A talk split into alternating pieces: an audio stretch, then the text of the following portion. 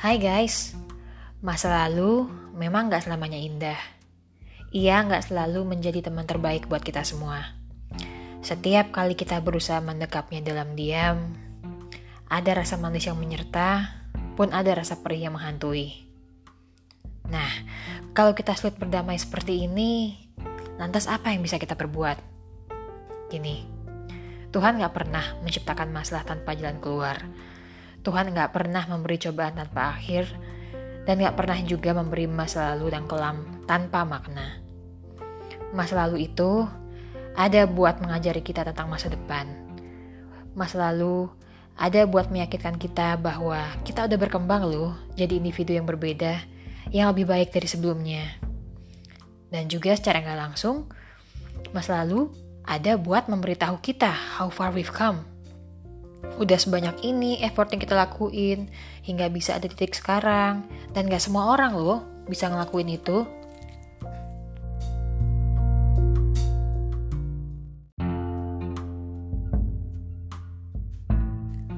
Kalau kita tetap kekeh mau ngubah masa lalu yang gak enak, sekeras apa pun kita gak bakal bisa. Tapi kita bisa mulai merancang dan membentuk masa depan kita seperti yang kita inginkan.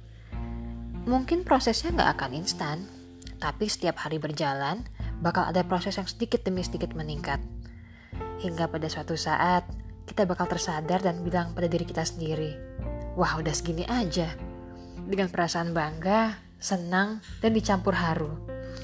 Lalu melihat ke belakang dan ke Duh, seandainya aku kemarin cuma ngeluhin masa lalu puter-puter di sana, gak bakal deh aku jadi kayak sekarang suksesnya.